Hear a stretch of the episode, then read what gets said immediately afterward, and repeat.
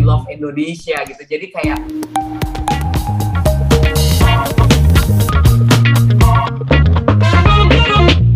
Salam sehat, salam Indonesia. Salam jumpa pada acara podcast The Syndicate Angkat Topi. Tokoh dan inspirasi. The Syndicate Angkat Topi ini dipersembahkan oleh para sindiket untuk mengangkat uh, dan mengapresiasi para tokoh inspiratif dengan menggali biografi dan inspirasi para tokoh Melalui kolaborasi pemikiran dan gagasan mereka, kita ingin memberikan kebaikan untuk Indonesia masa depan dan untuk kemaslahatan Republik ini. Untuk seri ini, terima kasih. Kita angkat topi untuk tokoh kita pada seri kali ini, Mbak Irin Roba. Saya panggil begitu aja ya. siap. Ya, Mbak Irin Roba ini adalah anggota DPR RI, Komisi 1 dari fraksi PDI Perjuangan. Jadi senang sekali pada seri kali ini kami bisa bersama Mbak Irin. Ini usia belum 40 tahun, tapi sudah menjadi anggota DPR RI untuk dua kali periode. Dan insya Allah nanti periode berikutnya akan terpilih lagi. Amin. Beliau ini maju ke Senayan melalui dari Dapil Maluku, Maluku Utara. Utara. Iya. Jadi mewakili Indonesia Timur. Fajar Timur Indonesia nih dari Mbak Irin nih, dan kawan-kawan. Apa kabar Mbak Irin? Baik Mas, sehat puji Tuhan. Bagaimana puji dirimu? Tuhan, ya. Apakah sehat juga? Yang terpenting itu sekarang Alhamdulillah, sehat. puji Tuhan sehat. Ya cuman tambah gemuk ini karena pandemi. banyak di rumah ya karena ya. Banyak di rumah, banyak online banyak online, banyak membantu UMKM. Jadi pesen uh, apa namanya uh, online terus ya, membantu UMKM kita beli-beli makanan. Jadi. Awal dulu cuma istri saya yang punya katakanlah buat alat belanja online ya, karena sekarang saya punya ikut ikut ya? memeriahkan. Ya? Sekarang Jadi nggak mau kalah sama istri, istri semua belanja online, suami nggak boleh kalah ikut belanja online juga. Nggak apa-apa, itu kita menggerakkan roda ekonomi kerakyatan kita. Betul. Dan apa ekonomi kita memang hari ini memang relatif bisa bertahan Mbak Iri di tengah pandemi. Iya, nah, luar biasa itu. untuk pemerintah kita kerjasama dengan uh, para legislator kita di DPR dan bagaimana kita menghadapi ini ancaman hmm, apa Omikron ini. Jangan sampai gelombang ketiga ini terjadi. Iya, ya, semoga tidak terjadi. Betul hmm. betul sepakat itu. Tapi okay. relatively Indonesia sih uh, saat ini banyak dipuji juga ya terkait dengan penanganan pandemi walaupun beberapa waktu lalu kita uh, agak berat ya tetapi kalau kita bandingkan dengan apa yang terjadi di Eropa hari ini uh, kita juga patut bersyukur dan angkat topi untuk pemerintah kita yang melakukan uh, mitigasi uh, yeah. pandemi ini dengan luar biasa lah kurang lebihnya angkat begitu. topi untuk pemerintah kita angkat topi juga angkat teman-teman DPR di Senayan. oke Mbak Irin. Irin yes, Luciana Roba Putri. Yes. umur 30 tahun. Ya kalau nggak salah dekat-dekat ulang tahun itu 2014 sudah terpilih menjadi anggota DPR RI termasuk yang uh, anggota yang muda karena masih usia 30. Walaupun ada yang lebih muda, tetapi termasuk yang muda, uh, perempuan dari mewakili Indonesia Timur. Jadi suara Timur Indonesia ini dibawa di pundaknya Mbak Irin. Jadi angkat topi nih untuk Mbak Irin dulu nih. ini kalau Anggota di sini termuda. angkat topi, padahal itu adalah minoritas loh labeling itu muda Indonesia Timur dan perempuan sering kali dikaitkan dengan keminoritasan tanda kutip. ya keminoritasan tapi peran yang signifikan kan itu kan jadi hal yang luar biasa. Makanya kita undang sebagai tamu oh, angkat topi. Bagaimana iya, ketokohan dan inspirasi Mbak Iri ini bisa menggugah masyarakat luas terutama adik-adik kita generasi muda. Jangan lihat usia tapi berani tampil bersuara ke depan nah karena kadang-kadang saya aja masih usia 40 lebih ini masih takut yang anggota DPR. Padahal itu kategori muda juga loh kalau menurut WHO kan eh menurut PBB kan eh, 60 tahun di bawah 60 tahun tuh masih kategori masyarakat muda. Iya, terima kasih. saya memang masih selalu muda. Saya merasa kalau bangun pagi itu masih muda loh. Padahal paling aduh, tidak merasa muda ya. Iya. Oke, Mbak Irin. Yes, uh, angkat topi. Jadi kita ingin mengangkat uh, apa pun Mbak, Mbak Irin adalah tokoh karena anggota ya. DPR RI dan kita ingin menggali inspirasinya. Uh, bagaimana uh, dengan usia yang masih muda sudah berkiprah dan juga ibu dua orang anak jadi Mbak Irin ini e, ibu dua orang anak masih umur satu tahun lebih ya kira-kira dan iya, kembar. Ya, ibu baru, baru satu setengah tahun ibu, anaknya. Ah, ibu baru. Jadi anggota DPR dulu, baru dipinang, baru dipinang suami begitu ya kira-kira ya. Anggota DPR dulu baru punya anak. Iya, anggota DPR dulu baru punya anak. Jadi iya. luar biasa. Jadi uh, seorang anggota DPR, seorang ibu juga yang mengurus anak, anaknya kembar sekarang, eh, laki-laki iya, dan perempuan. Dua. Nah, yeah. nah kita ingin lihat, Mbak Irin. Yeah. Kalau dari biografinya kan, ya memang bu, tidak lahir di Maluku Utara, tetapi leluhurnya dari Maluku Utara. Betul. Uh, lahir di, bagaimana ceritanya sejak lahir brojol gitu ya di bumi manusia Indonesia ya. Ya, lalu bidang sekolah. Pernah nggak dulu cita-citanya jadi politisi gitu? Lalu kapan eh, kira-kira cita-cita jadi aku pengen jadi politisi gitu. Lalu SMP, kemudian SMA kan di Panguduluhur, di Muntilan sana, lalu kuliah, sempat S2 di Australia, lalu kembali ke Indonesia uh, menjadi uh, anggota DPR RI. Jadi kita pengen cerita ceritanya nih. Nah, from the beginning until now seperti apa seorang Seperti apa ya? Irin Roba? ya, kalau tadi menjawab pertanyaan yang pertama, pernah nggak cita-citanya jadi uh, politisi? Uh, pernah, Mas. Bahkan itu terucap gitu. Jadi oh, uh, gitu? saya memang usia ya, berapa itu? Itu kelas 4 SD. Saya ingat betul. SD. Jadi uh, saya itu uh, apa namanya? Uh, mungkin uh, termasuk beruntung ya karena saya lahir di Jogja Ibu saya hmm? orang Jogja, papa saya asli Maluku Utara. Saya lahir di Jogja. Oh, saya papa yang orang Maluku Utara. Ya, saya sekolah itu sampai kelas 3 SD di Jogja, lalu saya pindah ke Bogor. Nah, hmm. pindah di Bogor waktu itu kan sebagai murid baru, saya ditanya dong apa namanya eh, cita-citanya apa gitu. Saya tuh nggak tahu sebenarnya makna cita-cita itu kata itu apa, tapi nggak tahu kenapa uh, mungkin itu karena tahun 94 95 ya kondisi politik Indonesia waktu itu juga sudah agak meriah tanda kutip gitu. Jadi waktu mm -hmm. itu saya ditanya saya ingin jadi politikus waktu itu bukan politisi tapi politikus. Gitu. Politikus ya ya. Uh, uh, terus gurunya nanya politikus itu apa? Terus saya cuma ketawa. Saya ingat banget uh, uh, apa kejadian itu karena itu diingatkan oleh kawan baik uh, ayah saya yang kebetulan waktu itu uh, saya masih SD itu ayah saya masih sekolah jadi belum lulus S1-nya. Jadi sering kali saya tuh diantar jemput oleh uh, kawan-kawan ayah saya yang lagi memang tidak kuliah gitu. Jadi ada hmm. nama uh, namanya Tante Tuti gitu dia bilang Irit ini cita-cita kamu dari kecil gitu. Hah? Kok bisa gitu? Iya, saya inget banget dulu guru SD namanya Bu Ruby. Waktu saya jemput kamu dia bilang, "Irin cita-citanya jadi politikus." Jadi SD sudah lupa. menjadi politikus.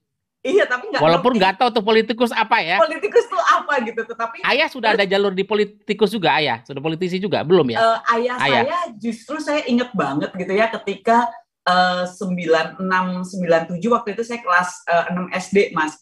Itu uh, di mana kamar saya itu selain ada poster Gosbam gitu, tetapi juga di sebelah kanan kiri poster Gosbam itu buku yang uh, horor itu loh Mas Gosbam merinding itu kan dulu yeah, uh, yeah. populer banget ya kita buku buku cerita itu. Nah itu kanan kiri poster Gosbam itu adalah uh, foto, uh, posternya Bung Karno dan Megawati gitu. Yang saya juga lupa gitu belinya di mana gitu. Tapi waktu itu ayah saya masuk ke itu di kamar. Di kamar, di kamar, di kamar saya waktu kelas 6 SD. Uh, ada juga uh, poster Tech Dead ya waktu itu bandnya Tech Dead gitu terus dan ayah saya nanya kamu ngapain uh, uh, pasang poster Bung Karno katanya. Emang kamu tahu siapa Bung Karno? Saya ingat banget itu papa saya nanya kayak gitu dan itu, itu lagi, masih SD ya? Jawab. Iya. SD kelas 6, 96 97 lalu luar eh, biasa. Anak-anak kecil yang lain posternya masih Bobo atau poster apa itu? Iya, saya Ini sudah posternya Megawati dan Soekarno. Terus uh, band Tech Dead gitu. Tetapi saya juga hmm. nggak hmm. tahu kenapa saya juga punya poster Soekarno dan poster Megawati gitu. Mungkin kalau Mega mungkin karena waktu itu juga beliau lagi dalam uh, puncak perjuangan ya melawan Orde Baru. Jadi mungkin juga banyak di pinggiran jalan poster beliau sebagai bagian dari uh, teman-teman masyarakat yang juga mendukung beliau gitu. Jadi waktu dan itu, itu ditempel beli beli sendiri, ditempel beli sendiri, sendiri ditempelin ayah ya. Ditempel sendiri. Jadi tempelnya juga pakai solatif, bukan yang rapi gitu. Iya iya iya iya. Ditempel sendiri gitu. Jadi dulu bahannya apa yang agak posternya.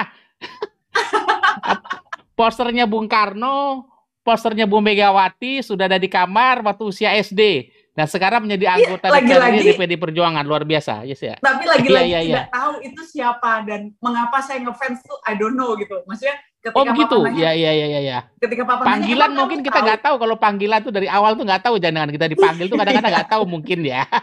iya betul, mungkin itu jalannya gitu dan hmm. waktu itu papa masih uh, masih sebagai uh, ahli geologi gitu karena beliau adalah seorang insinyur geologi jadi masih jauh sekali dari politik gitu uh, hmm.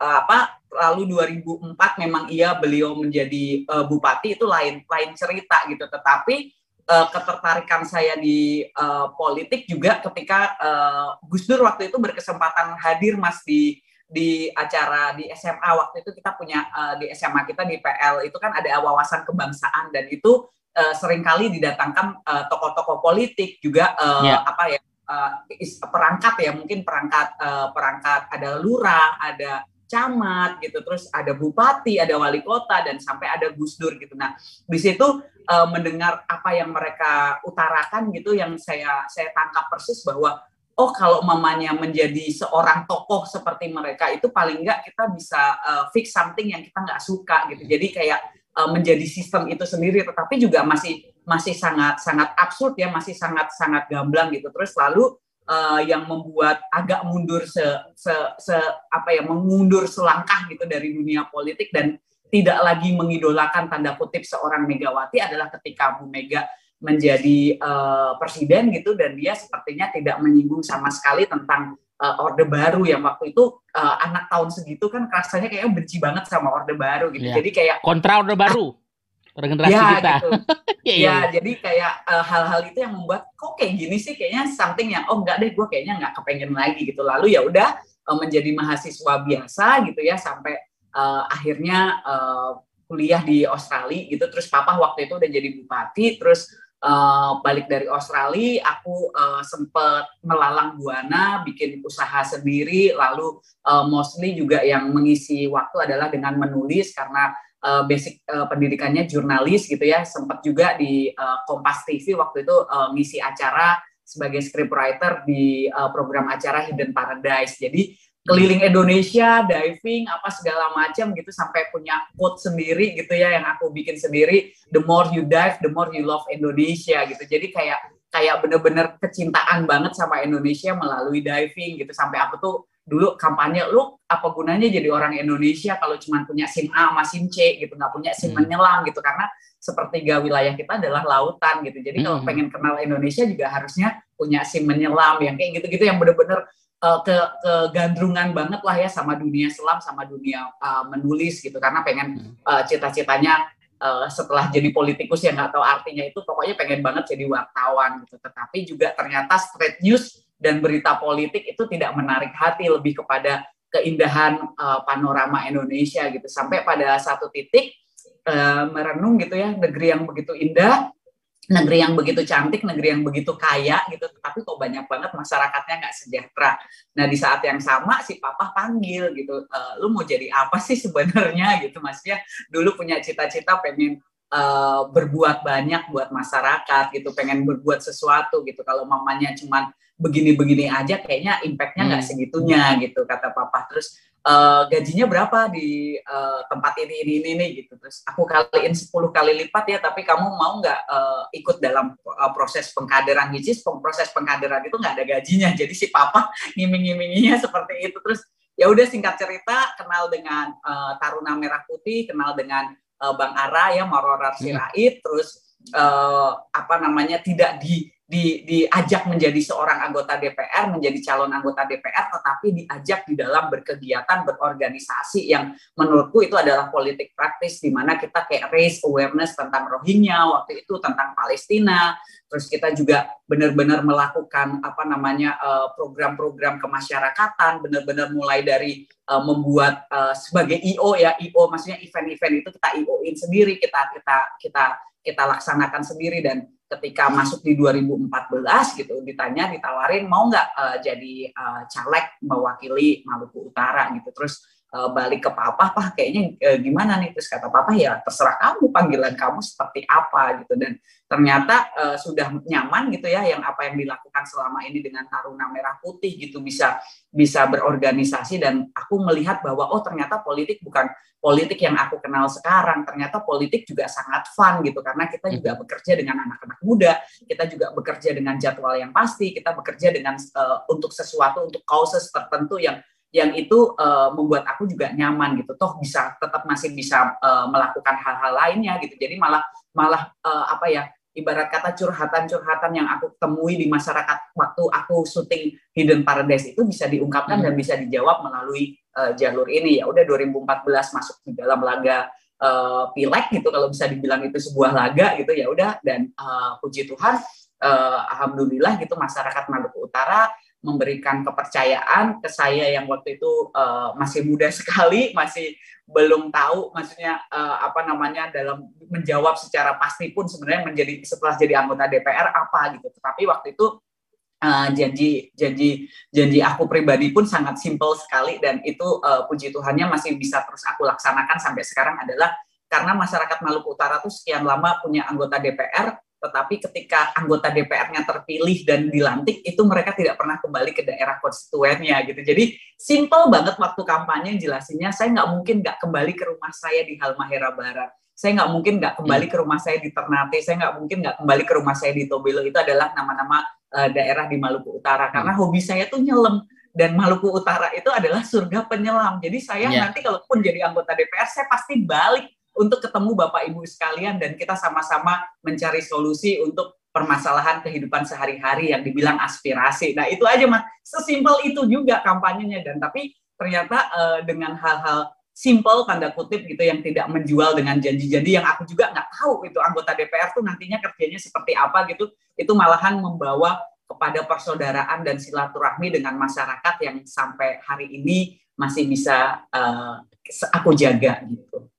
Itu panjang Luar ya. biasa. Angkat topi dulu buat Mbak Irin Roba.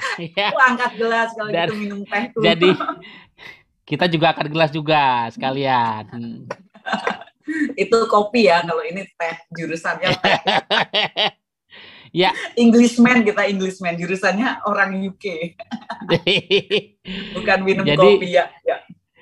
Menarik jadi cerita yang Mbak Irin kelas 4 sudah tertarik jadi pengen politikus bahasanya. Bahkan tidak tahu polit politikus itu apa. Lalu melalang buana kuliah sampai uh, eh, SMA begitu ya. Jadi ordinary ya. saja gitu loh. Bahkan tidak terpanggil. Padahal di SMA itu sempat ketemu beberapa tokoh seperti Gus Dur segala macam yang diundang di ya. sekolahnya di SMA pada saat itu. Yang mungkin ah habis itu biasa. Jadi ada dinamika uh, orang dipanggil menjadi anggota DPR itu dari tikus lalu kuliah malah hobi diving dari situ mencintai Indonesia sempat jadi jurnalis juga di Kompas TV tapi kemudian balik lagi ke cita-citanya menjadi politikus. Jadi luar biasa ceritanya.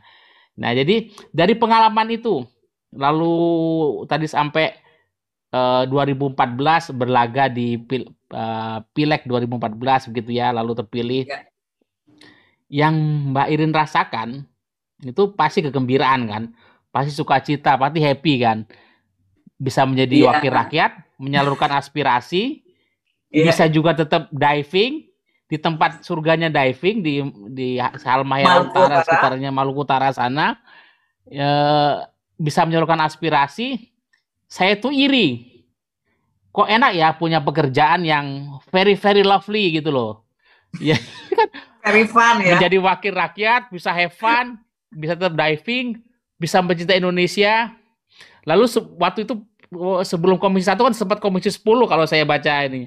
Ya, betul. Membantu bagaimana juga mem, bagaimana mengadvokasi kebijakan sekolah-sekolah kita, membantu sekolah-sekolah. Itu kan bagaimana menjadikan hidup yang tadi kan lo mau berguna nggak buat banyak orang? Kan tantangan ayah itu lo mau berguna kan lo mau begini-begini doang. Ya. Lo pengen berguna nggak punya banyak orang? Ini kan saya irinya bisa berguna bagi banyak orang, tapi tetap happy. Tidak semua orang seperti itu loh. Uh, gimana? Padahal kenyataannya udah nggak diving 6 tahun. saking itu ya kok saking sibuknya dengan urusan apa namanya sidang di DPR.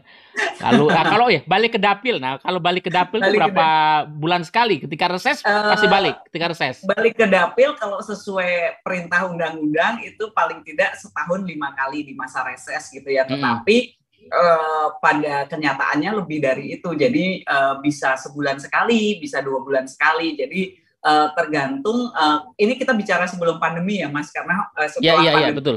Sangat uh, berbeda jauh gitu. Tetapi walaupun uh, kita menemukan cara juga gitu. Jadi ada ada ada peluang juga di masa pandemi ini. Jadi kalau dulu pulang ke dapil tuh paling nggak sebulan sekali ataupun dua bulan sekali lah paling paling paling lamanya gitu jadi ya setahun bisa bisa enam tujuh kali delapan kali gitu nanti kalau mendekati masa kampanye kemarin kayak kemarin 2019 uh, dua minggu sekali pulang dan sekalinya pulang lama gitu nah itu memang uh, dinamika kebutuhan aja kita lagi ada event apa enggak gitu tapi terlebih uh, lebih kepada penyerapan sih maksudnya kayak masyarakat lagi lagi lagi lagi perlu dijumpai dalam hal apa gitu. Kadang kita juga harus menyaksikan sendiri, uh, melihat sendiri gitu bahwa dalam proses pengawasan ya itu salah satu uh, tugas kita juga. Itu benar nggak program-program yang dicanangkan pemerintah itu benar-benar terlaksana di daerah pemilihan kita gitu.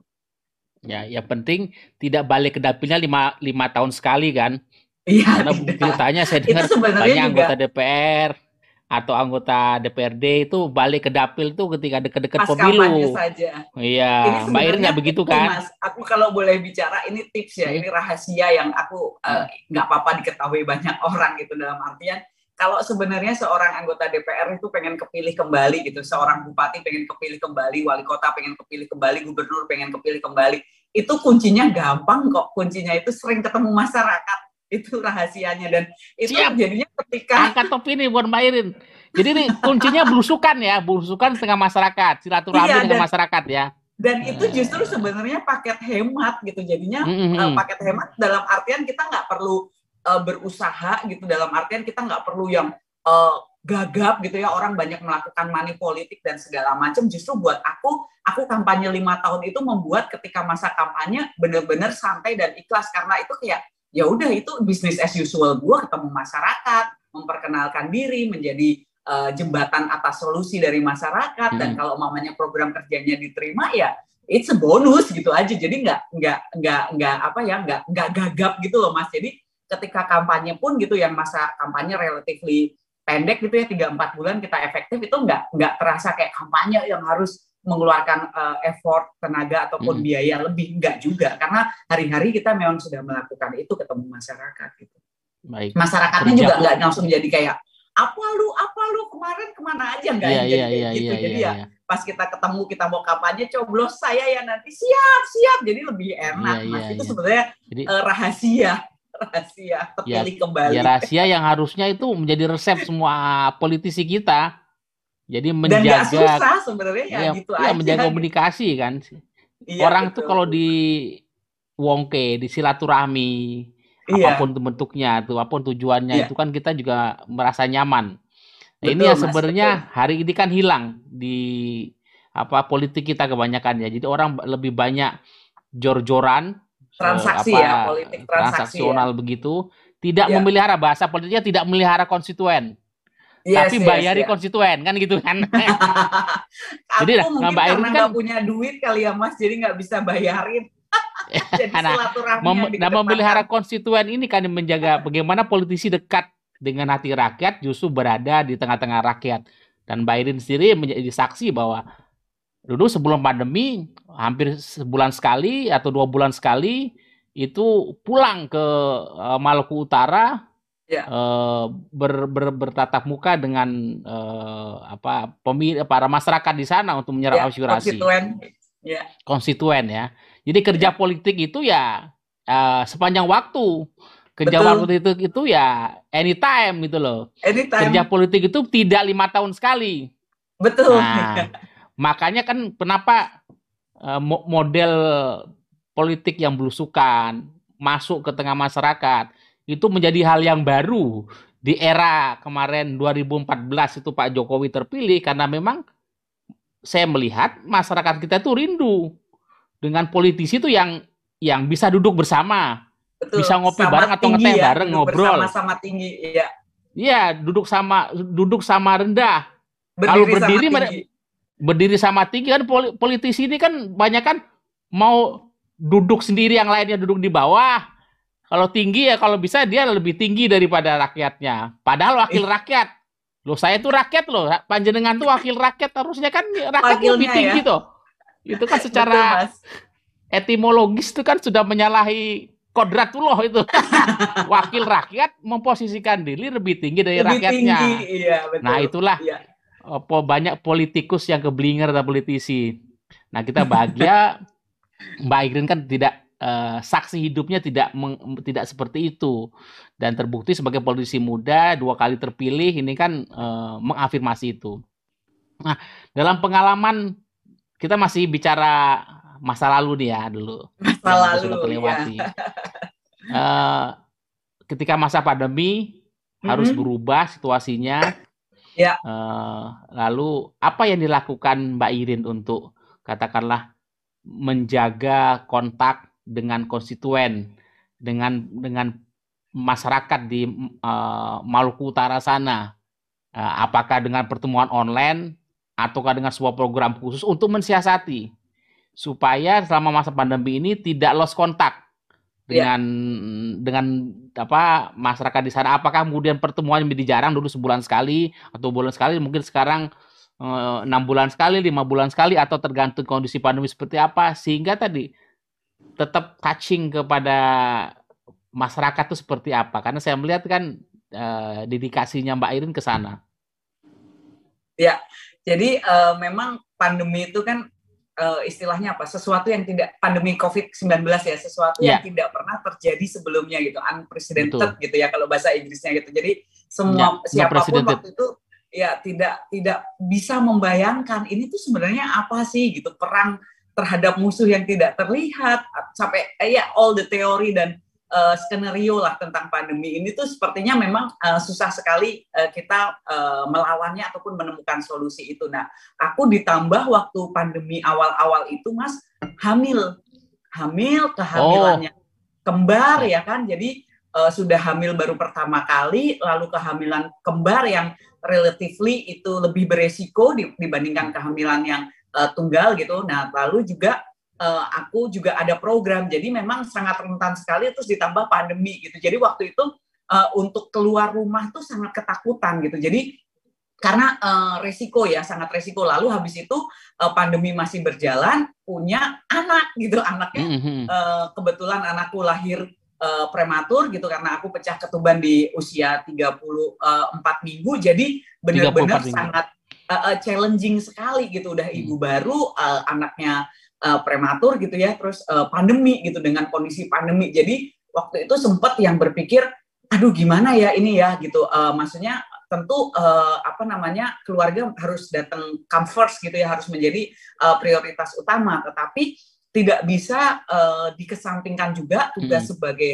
uh, wakil rakyat di mana masyarakat juga nggak bisa nunggu gitu dalam artian itu. Nah, puji Tuhan sekali aku memiliki tim uh, yang solid yang memang sudah kita bentuk sekian lama gitu. Aku punya hmm. uh, Irin Center namanya itu di hmm. setiap uh, kabupaten kota di Maluku Utara itu ada pengurusnya dan sangat aktif gitu dan Eh, rata-rata uh, mereka adalah uh, apa namanya uh, pengurus kepemudaan, pengurus ibu-ibu dan segala macam. Jadi uh, informasi hmm. mengenai apa yang masyarakat butuhkan itu selalu terupdate gitu dan uh, programnya akhirnya kita ganti gitu dalam artian aku belum bisa ke sana tetapi harus aku tetap hadir gitu di sana. Yeah, nah, yeah. dalam uh, bentuk apa ya? Dalam bentuk program tentunya gitu dan itu program itu yang terus tidak pernah uh, kita stop uh, kita lakukan gitu. Jadi waktu awal-awal pandemi uh, masyarakat sangat sangat susah secara ekonomi ya kita sebar sembako gitu ya uh, apa namanya terus lalu uh, kita tahu bahwa uh, perubahan apa perubahan sistem pembelajaran yang awalnya mereka tatap muka santai guru nggak perlu mempersiapkan bahan uh, pembelajaran yang yang gimana gimana ini tiba-tiba uh, orang harus uh, daring gitu di mana jangankan ngomongin kuota device-nya aja banyak masyarakat tuh yang nggak punya mas smartphone yeah, itu yeah, adalah yeah. sebuah kemewahan kalau di daerah pemilihan mm -hmm. aku gitu lalu uh, uh, apa kebetulan uh, tenaga ahliku gimana nih kita cari uh, device yang yang smartphone yang harganya oke okay, tetapi juga uh, tidak membebani kita ya maksudnya membebani itu uh, budgetnya tinggi gitu tetapi banyak masyarakat yang terbantukan gitu ya kita cari device uh, device device smartphone gitu ya kita bagi uh, ke sekolah-sekolah prioritas ataupun sekolah-sekolah yang nantinya bisa menjadi uh, rujukan uh, sekolah lain gitu. Jadi ya kita cari uh, device kayak laptop, uh, komputer, terus uh, apa namanya uh, handphone dan segala macam. Lalu yang uh, uh, permasalahan yang lainnya adalah jaringan internetnya gimana? Karena di tempatku itu uh, blank spot tidak ter apa terlayani internet itu juga masih banyak. Nah, waktu itu padahal aku di komisi 10 kan waktu pandemi awal gitu Sementara dulu waktu di Komisi Satu kerjaannya adalah nyecer uh, Kementerian Kominfo untuk memasang eh, jaringan-jaringan itu. Ya udah kita titipkan aspirasi itu ke teman-teman Komisi Satu bahwa di uh, Maluku Utara itu masih banyak sekali yang uh, tidak terlayani internet akhir akhirnya dari Bakti Kominfo waktu itu walaupun aku masih di Komisi 10 dibantu jadi mereka langsung tembak satelit beberapa sekolah untuk menyediakan wifi di lingkungan sekolah gitu. Jadi uh, sekolahnya itu mereka di taman dengan wifi yang sudah ada device dan segala macam. Lalu hmm. permasalahan selanjutnya guru-guru nggak siap materi. Beberapa yang nggak punya device harus dianterin bahannya gitu. Sementara mesin fotokopi ada di kota. Dan kalaupun di kota mau menggandakan materi itu antriannya panjang banget, Mas.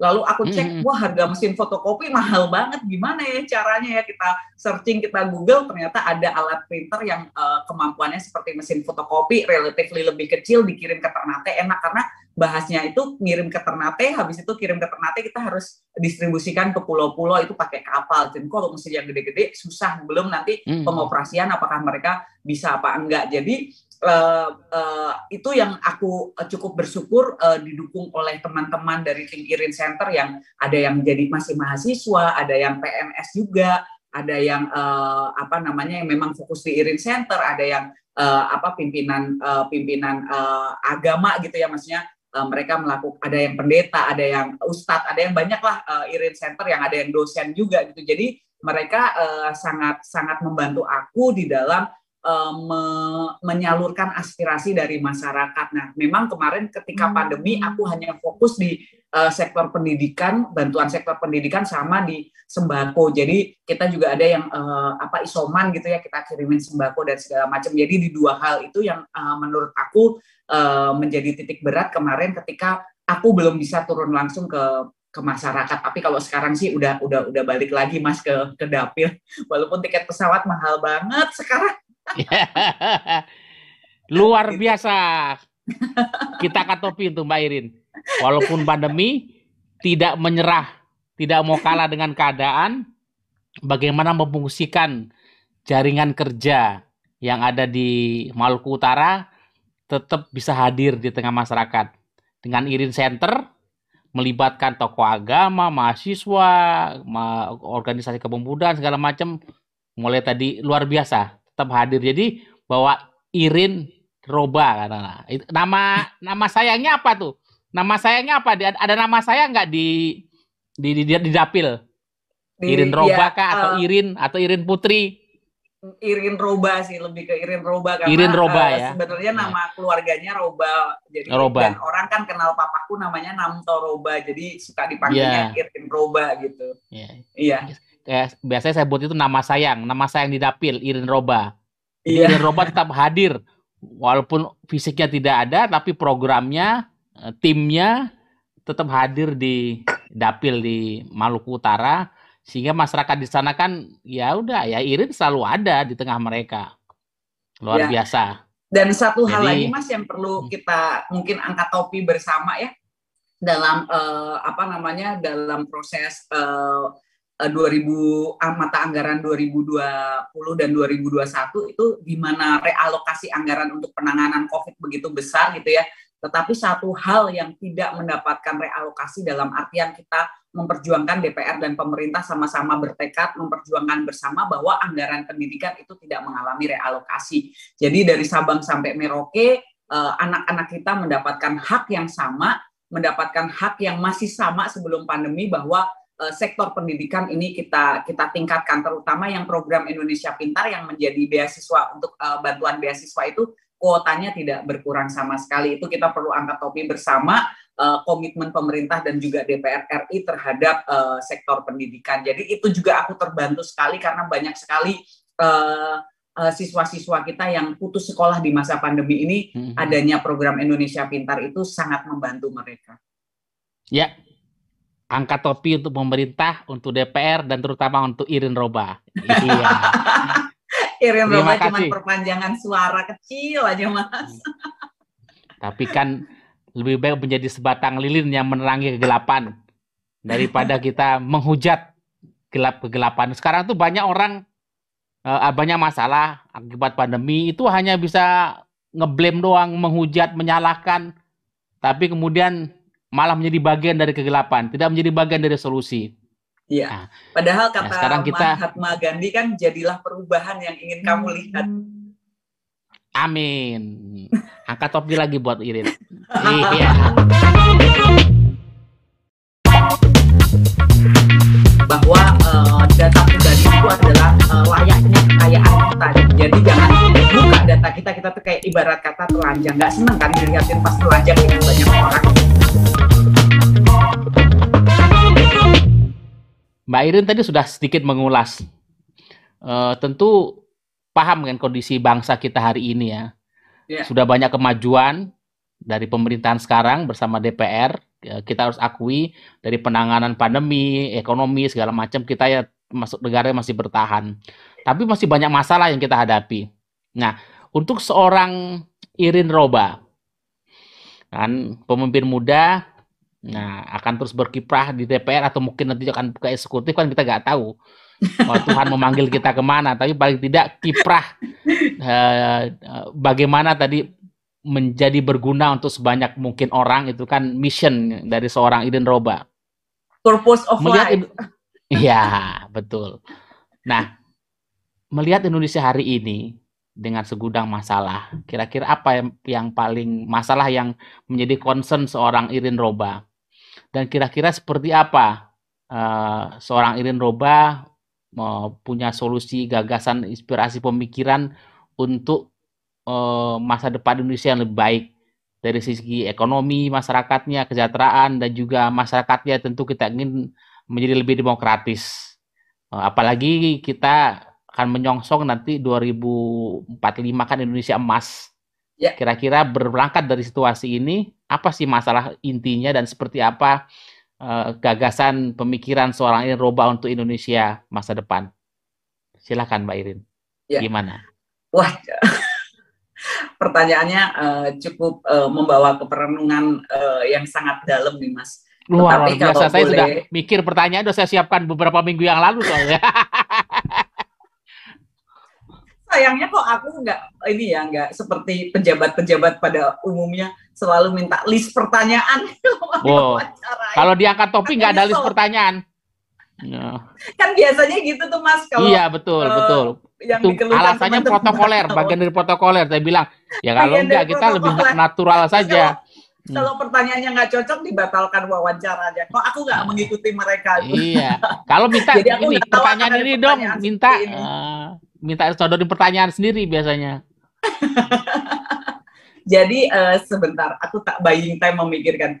Uh, jadi memang uh, uh, kita bisa bilang bahwa Indonesia dengan uh, penduduk yang banyak ini memiliki peluang dan tantangannya sendiri gitu. Tadi uh, kalau aku lebih memilih kata tantangan daripada permasalahan. Tantangan, ya, betul tantangan-tantangan yang kita hadapi itu uh, sangat banyak sekali sebagai uh, bangsa gitu. Tetapi uh, melihat uh, dunia hari ini di mana arus informasi itu seperti air terjun, arus informasi itu seperti ombak gitu ya, seperti arus yang yang sangat uh, tidak terbatas gitu. Nah, uh, menjadi satu kunci gitu di mana uh, anak-anak kita gitu, masa depan kita gitu, generasi penerus kita harus memiliki sebuah uh, anchor ataupun sebuah jangkar yang kuat di tengah uh, derasnya arus informasi. Yaitu kuncinya menurut saya yang uh, harus menjadi anchor hari ini ataupun menjadi jangkar supaya mereka tidak kehilangan identitas ataupun mereka tidak menjadi korban di dalam arus informasi yang begitu dahsyat hari ini ya.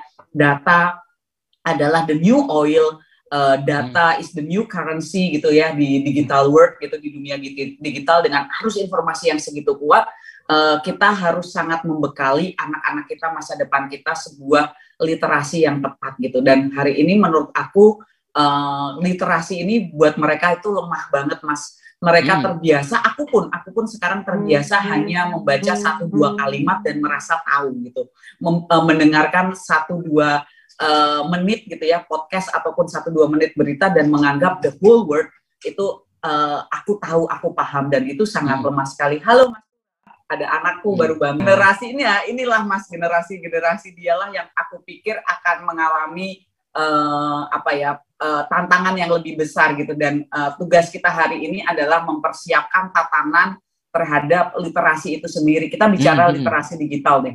Uh, Maluku Utara hari ini penetrasi internet itu sudah mencapai uh, 60% dari penduduk Maluku Utara gitu. Jadi 600 sekian kan kita punya satu satu jutaan gitu. Tetapi hmm. uh, literasi digitalnya masih sangat rendah gitu di mana mereka membedakan berita bohong dan tidak bohong aja itu uh, masih sangat susah gitu. Sementara sekarang gitu ya kayak mamanya kita uh, hoax berita tidak benar ataupun skenario uh, apa namanya bukan skenario istilahnya apa tuh kalau uh, teori konspirasi tentang covid Proxy dan war. vaksin uh, uh, itu kan itu kan menghantam mereka banget gitu yeah. mas jadi kemarin uh, dalam uh, program webinar literasi digital uh, kita ngelawan hoax dan uh, teori konspirasi COVID-19 itu uh, apa membuat aku sangat-sangat paham bahwa literasi ini menjadi kunci jawaban hmm. kalau kita mau memperangi kebodohan dan juga kemiskinan gitu. Jadi bagaimana membiasakan uh, teman-teman muda ataupun membiasakan kita sendiri ini generasi aku pun aku merasa bahwa sekarang tuh nggak perlu lagi membaca uh, sesuatu secara utuh gitu tidak perlu um, menerapkan sesuatu secara teori jadi segala sesuatunya adalah cocokologi segala sesuatunya adalah mm -hmm. se uh, hal yang spontaneous gitu segala iya. sesuatunya yeah. menjadi apa kebiasaan-kebiasaan uh, yang kita tidak tidak lagi ingin menguji apakah ini benar apakah ini efektif apakah hal-hal ini tuh uh, tepat apa tidak gitu dan sementara uh, harusnya kita cukup kembali melihat masa lalu gitulah bagaimana sistem pendidikan kita yang mengajari kita membaca sebuah narasi itu secara utuh gitu dan mempraktekkan sesuai dengan eh, teori-teori uh, yang ada itu diuji lagi, diuji lagi, diuji lagi. Sekarang kan enggak, Mas. Sekarang tuh bebas gitu loh. Sekarang itu bukan yeah. aku menganggap bahwa perkembangan hari ini adalah uh, salah, enggak, tetapi uh, aku pikir literasi menjadi kunci uh, jika kita ingin menjadi bangsa yang lebih uh, beradab dan uh, mampu uh, menyanyi uh, apa namanya perkembangan dunia maju gitu. Jadi pendidikan literasi is the key sih for everything aku pikir gitu. Eh, luar biasa untuk Mbak Irin yang sudah menseringkan pemikiran dan gagasannya soal uh, bagaimana literasi dan pendidikan menjadi tantangan serius yang memang harus kita persiapkan bersama. Menjadi tanggung jawab kita bersama, eh, pemerintah dan juga masyarakat kita semua. Ya, generasi anak-anak kita itu adalah generasi digital, tetapi kita selama ini sepertinya ini ya Mbak Irin sangat lemah. Jadi kita itu ya. maju dari apa kata infrastruktur digitalnya maju, uh, device segala macam, tapi uh, awareness kemudian pendidikan kesadaran kita terhadap namanya sebuah informasi data sebuah device itu kan sangat sangat rendah. Ya. Kalau dulu terbatas, kita ya. ya. betul dan dan dan terbatas. Hari ini orang cukup baca sekilas, singkat saja mereka sudah sudah tahu semuanya. Jadi memang kuncinya tadi memang saya setuju uh, soal bagaimana pendidikan, soal literasi dan bagaimana uh, data itu uh, negara harus berdaulat atas data warga negara. Ya. Dan setiap ya. warga negara harus berdaulat atas datanya karena nah, yes. nah Mbak Irin sekarang di Komisi satu nih. Ya. ya. Uh, ada RUU perlindungan data pribadi. Yes. Itu kan bagian dari upaya pemerintah bersama DPR untuk ya. bagaimana uh, menjaga kedaulatan data, menjaga ya. juga bagaimana informasi yang ada itu juga tidak apa uh, tidak berujung menjadi malapetaka baru ketika nanti yeah. Indonesia ke depan yang sudah disiapkan menjadi transformasi digitalnya, tapi yeah. transformasi uh, intelektual, literasi dan kemudian basis pendidikannya sudah disiapkan. Kira-kira yeah. begitu atau gimana, Mbak Irin? Jadi uh, bicara data tadi ya seperti saya sebut gitu uh, apa namanya bahwa ini adalah the new oil gitu kata Jokowi gitu, the new yeah. Ya. uh, currency gitu. Jadi memang new currency, uh, new oil. Iya, kalau dulu orang kan siapa yang menguasai minyak dia menguasai dunia gitu karena segala yeah. sesuatunya kan kita uh, mesin industri pakai minyak gitu. Sekarang ya siapa yang menguasai data dia akan menguasai dunia gitu loh. Jadi makanya disebut the new oil juga dan uh, apa kedaulatan data uh, menurut saya is emas gitu harus diupayakan dan diusahakan dan diwujudkan oleh negara. Kedaulatan data atas uh, rakyat kita dan uh, kita juga mengedepankan seperti kata Mas tadi bahwa uh, seorang pribadi per pribadi juga berdaulat atas datanya sendiri gitu. Tadi sedikit uh, sedikit apa ya sedikit uh, menarik mundur gitu. Tadi uh, Mas Ari uh, membahas tentang bagaimana uh, device kita udah canggih apa segala macam sekarang pembangunan infrastruktur telekomunikasi di mana-mana gitu. Tetapi masyarakat kita sangat uh, minim kesadarannya di dalam penggunaan internet secara bijak. Penggunaan internet ataupun device-device uh, smartphone, uh, laptop apa pun secara uh, produktif gitu. Padahal hakikat bangsa merdeka kata Bung Karno janganlah kita hanya mau menjadi pasar saja gitu kan. Jadi bangsa yang merdeka itu tidak hanya bangsa yang memproklamirkan kemerdekaannya tetapi masyarakatnya jangan sampai jadi pasar gitu. Nah, hari ini kita coba kembali melihat kita sebagai bangsa apakah kita ini sebenarnya bangsa yang telah sejati-jatinya merdeka kita produktif gitu. Enggak sepertinya. Segala sesuatunya kita enggak punya pabrik mas gitu ibarat kata. Yeah. Kita semuanya konsumsi gitu. Jadi uh, device ini merely gitu ya, bukan merely. Device ini most most likely dipakai yeah. untuk kita uh, berkonsumsi bukan Consume, berproduksi yeah. gitu. Nah, ini kita Betul. podcast, kita produce something. Ini sesuatu yang efektif gitu. Tetapi tadi kita bicara tentang belanja online, kita bicara tentang banyak hal uh, gaya busanaku apa segala macam itu segala sesuatu yang kita dapat dengan kita mengkonsumsi gitu. Kita tidak menjadi produsen gitu. Nah itu itu itu kita narik mundur. Nah bagaimana? Kebayang nggak sekarang uh, pengelolaan data yang bisa saja mengarahkan kita semakin terjajah dalam konsep lain gitu. Kita menjadi pasar. 250 juta loh ini pasar yang sangat menarik ya. gitu ya. Ketika data itu tidak dilindungi oleh uh, negara ketika penggunaan data masyarakat itu tidak ter ter apa ya terpayungi hukum dengan pasti yang mana adalah uh, melindungi melindungi masyarakat kita dan yang pada akhirnya adalah mewujudkan Indonesia sebagai bangsa yang merdeka. Nggak cuma jadi pasar ya kan? Nggak cuma jadi uh, tenaga kerja murah gitu. Tetapi gimana kita mengangkat harkat martabat kita dengan pengelolaan data yang lebih bertanggung jawab lebih lebih terstruktur yang utamanya adalah untuk uh, mewujudkan kedaulatan data itu sendiri. Nah, uh, hari ini di DPR Uh, sedang DPR dan pemerintah gitu ya. Ini adalah uh, rancangan undang-undang inisiatif pemerintah yang dibahas bersama DPR khususnya Komisi 1 khususnya uh, panitia kerja uh, RUU PDP itu dan kebetulan aku uh, menjadi anggota di RUU itu di uh, panja RUU PDP gitu. Bersama pemerintah bisa dikatakan hari ini kita uh, masih detok gitu. Kita uh, sudah tidak membahasnya, bukan sudah tidak membahasnya, tapi tidak membahasnya lagi karena masih deadlock, belum di, di ada kata sepakat untuk kita memulai lagi dalam pembahasan. Yang menjadi permasalahan utama yang menurut aku juga sangat esensial ketika ini tidak ditemukan uh, titik temu pemikiran antara pemerintah dan uh, panja pemerintah dan panja uh, DPR ini yang menurut aku notabene ini akan sangat mempengaruhi juga wajah dari undang-undang PDP kita adalah uh, mengenai otoritas PDP itu sendiri gitu. Jadi uh, di DPR kita ingin bahwa otoritas PDP ini ya otoritas yang melindungi uh, data pribadi seluruh rakyat Indonesia ini adalah otoritas yang independen itu yang iya. pertama yeah. dan bertanggung jawab langsung kepada presiden. Jadi kita pengen otoritas ini sekuat KPK kita pengen otoritas ini sekuat OJK. Kenapa? Karena uh, di negara-negara maju gitu kita katakan uh, Uni Eropa gitu yang di mana ini sangat ditakuti sekali oleh para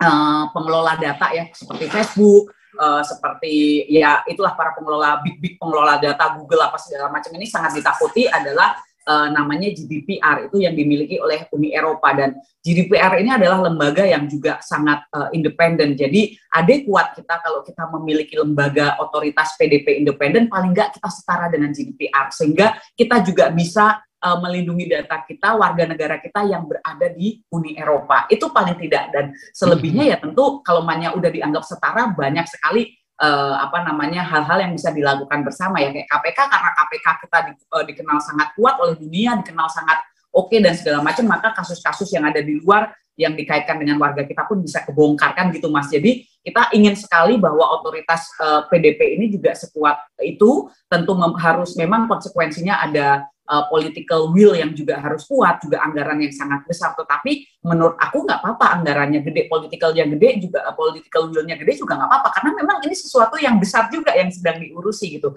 Sementara panja pemerintah uh, hari ini masih uh, bertahan dengan posisi mereka yang mereka uh, ingin di bawah Kementerian Kominfo ya. gitu di mana menurut aku kan uh, otoritas uh, PDP ini tidak hanya ngurusin uh, pengelola data yang swasta ya tetapi juga pengelola data yang uh, pemerintah juga karena negara dan pemerintah itu bisa menjadi bagian dari pengelola data. Seperti uh, eh, ASN pasti datanya luar biasa kan gitu. Jadi Kementerian uh, Kemenpan itu pasti punya data yang luar biasa. Hmm. BPJS gitu kan kita juga punya data. Kemarin uh, Polri gitu juga datanya bocor dan segala macam. Itu kan uh, pemerintah. Jadi kebayang nggak kalau cuma eselon 3 yang di, disuruh untuk mengelola data sekian banyak yang bikin kesalahan contohnya menteri apakah akan efektif gitu. Nah itu itu simpelnya seperti itu. Jadi ini dulu menurut aku harus uh, ketemu titik temunya karena akan berpengaruh di pasal-pasal selanjutnya. Jadi uh, otoritas perlindungan data pribadi menjadi uh, penentu wajah uh, payung hukum yang akan kita buat. Dan menurut kita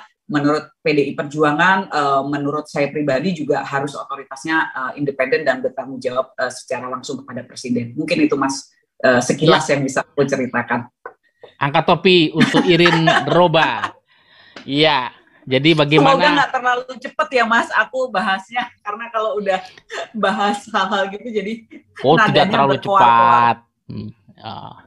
Yang penting suaranya bagus dan tadi menyuarakan bagaimana uh, kebutuhan untuk kedaulatan data butuh lembaga negara yang independen, yang kuat seperti OJK, seperti KPK. Iya, yang mungkin uh, uh, bertanggung jawabnya kepada presiden ya? Langsung secara langsung ya. Langsung kepada presiden. Ya. Baik ini soal data ini menarik.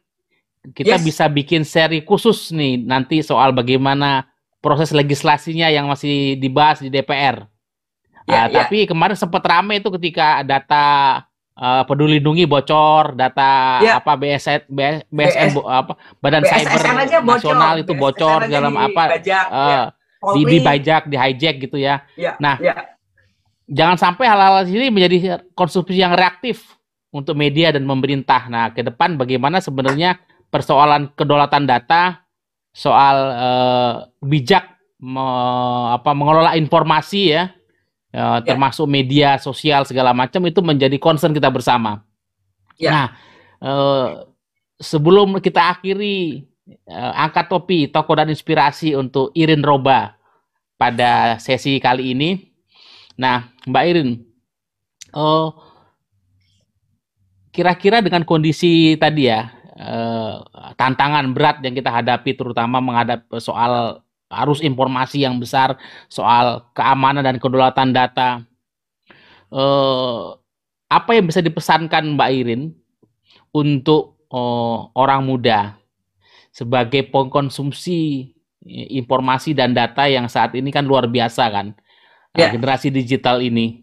Tentu yeah. saya gini, uh, saya bukan kamu berharap pada generasi old, generasi tua tidak, tetapi uh, untuk pesan generasi karena generasi muda ini kan dunia digital ini kan zamannya orang muda, zamannya generasi milenial dan digital. Iya, yeah. yeah, zamannya uh, orang now. zamannya orang now. Nah, saya tidak menafikan yang generasi old, tetapi yeah. apa pesan me, seorang Irin Roba untuk generasi muda untuk pesan-pesan yang tadi soal bagaimana kedaulatan data, uh, pengelolaan informasi bertanggung jawab. Karena ke, ya. ke depan ini kan orang-orang muda ini, adik-adik kita ini yang akan berada di tampuk uh, apa kebijakan politik, kemudian uh, usernya juga mereka paling besar gitu ya. Seperti apa? Sekaligus ya. uh, statement penutup untuk seri angkat topik kali ini. Wah nggak kerasa nih ya udah udah sejam berarti kalau udah mau ditutup. Iya hampir satu jam. Iya. Jadi kalau buat uh, kita secara individu ya Mas ya, secara individu dulu nih, um, bahwa sesuatu yang di internet itu sifatnya permanen. Jadi uh, hmm, apa hmm. namanya bijaklah di dalam kita membagikan data pribadi kita dulu. Aku juga nggak nggak nggak pusing gitu. Hmm. Aku tulis nggak aware soal itu ya. Di, uh, uh, di hmm. profil uh, Facebook gitu ya. Aku dulu uh, tulis alamat rumah, aku tulis segala hobi, segala interest dan segala macam pokoknya sesuatu yang sepertinya nggak nggak perlu aku tulis semua di situ gitu. Sekarang uh, dengan dengan mengetahui bahwa sebegitu uh, bernilainya gitu bahkan nomor telepon kita aja dijual belikan kan gitu. Nomor telepon kita tuh ada nilainya loh gitu maksudnya uh, dengan kasus-kasus uh, pinjaman online dan segala macam harusnya teman-teman muda semakin sadar bahwa uh, data pribadi itu adalah uh, layaknya kekayaan kita gitu. Jadi jangan jangan disebar jangan digunakan dengan uh, tidak bertanggung jawab dan kita uh, semakin harus lebih aware dalam penggunaan data. Jadi kalau mamanya ditanya NIK-nya padahal cuma mau daftar webinar, kenapa apa urusannya nomor NIK mamanya kayak gitu. Atau ditanya uh, apa namanya uh, alamat rumah padahal cuma mau jadi pembicara seperti aku terus uh, ininya oh saya minta alamat rumah. Enggak, harusnya ditanya yang enggak yang ada kaitannya aja yang pasti-pasti aja yang ada kaitannya gitu. Jadi uh, selalu uh, waspada gitu ya. Aku juga kalau aku pribadi aku tidak mengunggah uh, rumahku, kondisi rumahku gitu ya. Walaupun sekarang orang bilang kalau nggak di nggak diceritain uh, apa hakikatnya menjadi bahagia, nggak perlu seperti itu gitu. Aku juga yeah, tidak. Yeah. Uh, ini tadi spesial aja di sindikat gitu. Aku aku ajak anakku untuk berinteraksi. Ini adalah hal Terima yang kasih. Akan topi lagi. Satu setengah tahun aku bahkan hmm. tidak pernah memposting uh, muka anakku walaupun hmm. uh, akun uh, sosial media media uh, media sosialku semuanya aku kunci kecuali yang untuk uh, daerah pemilihan karena uh, aku nggak tahu konsen mereka ke depannya terhadap uh, pribadi mereka kalau itu diekspos uh, oleh orang tuanya seperti apa. Karena aku sendiri juga nggak suka kalau fotoku ditampilkan tanpa konsen aku. Jadi uh, jadilah masa uh, manusia ataupun jadilah individu yang sangat paham betul makna dari uh, data pribadi kita. Baik itu yang sifatnya umum apa pun sifatnya uh, sensitif ya. Jadi kayak orientasi seksual agama dan segala macam itu nggak usahlah diumbar gitu. Yang kita ya, sadar data ya. Hari ini lucu, uh, uh, hmm. yang hari ini lucu belum tentu besok lucu gitu kan. Yang hari ini kita pikir hal-hal yang biasa, udahlah nggak usah terlalu di, diumbar dunia terlalu menyeramkan untuk dunia mengetahui kita secara telanjang gitu. Jadi kalau kita buka data kita kita tuh kayak ibarat kata telanjang nggak seneng kan dilihatin pas telanjang dengan banyak orang gitu. Jadi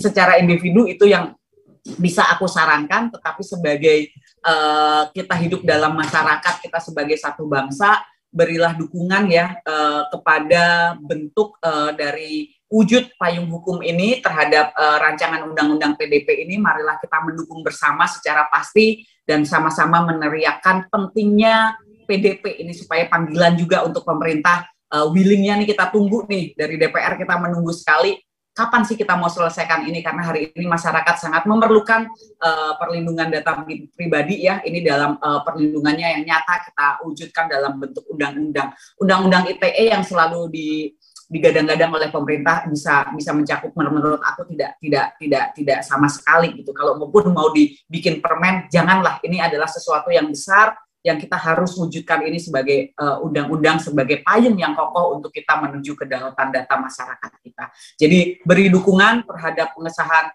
uh, eh, RUU PDP karena ini adalah masa depan kita semua. Jangan sampai kita nanti menyesali seperti rakyat UK gitu ya nggak nggak secara sadar mereka ter terderak gitu ya untuk untuk memutuskan waktu Brexit itu loh Mas yang Cambridge yeah. olah data itu kan nggak sadar hmm. itu ada kebocoran hmm. terus diolah sedemikian rupa gitu. Jadi uh, sekarang kalau teman-teman di Instagram tiba-tiba muncul kita nih ngomongin uh, liburan gitu ya, aku sama Mas Ari ngomongin liburan tiba-tiba muncul iklan tentang uh, travel hotel apa segala macem. Kok bisa ya dia kayak baca isi hati gue enggak itu enggak baca isi hati lo. Dia mendengarkan kita dan dia mempelajari kita. Emang yeah. enak dituntun algoritma itu.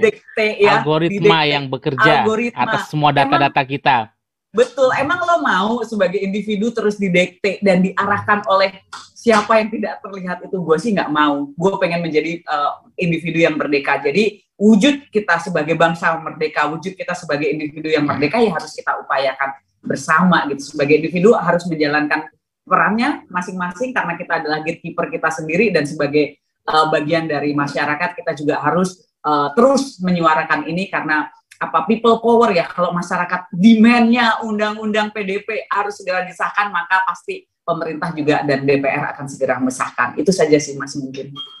Terima kasih luar biasa. Kita angkat topi untuk tokoh kita Irin Yusiana Roba Putri anggota DPR RI Komisi 1 fraksi PD Perjuangan. Luar biasa, terima kasih sudah menjadi tamu tokoh kita di seri podcast The Sedikit Angkat Topi untuk seri kali ini. Kita percaya dan yakin bahwa eh, semua cerita eh, dari sejarah hidup, latar belakang seorang Irin Roba, lalu semua gagasan dan inspirasinya, eh, itu bagian dari eh, katakanlah potongan batu bata yang kita akan letakkan di bangunan Republik Indonesia ini yang kita cintai bersama.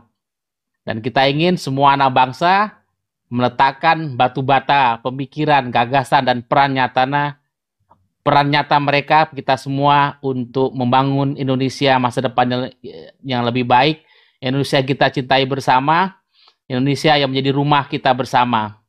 Sekali lagi, Terima kasih Mbak Irin Roba. Sama-sama Mas Ari. Sampai jumpa pada uh, seri berikutnya atau diskusi-diskusi dari para sindiket. Kami akan sangat senang mengundang Mbak Irin menjadi narasumber untuk membahas masalah-masalah kebijakan publik yang sedang dibahas di DPR. Ya. Salam sehat, salam Indonesia untuk kita semua. Terima kasih. Sampai jumpa pada seri The Syndicate angkat topi berikutnya.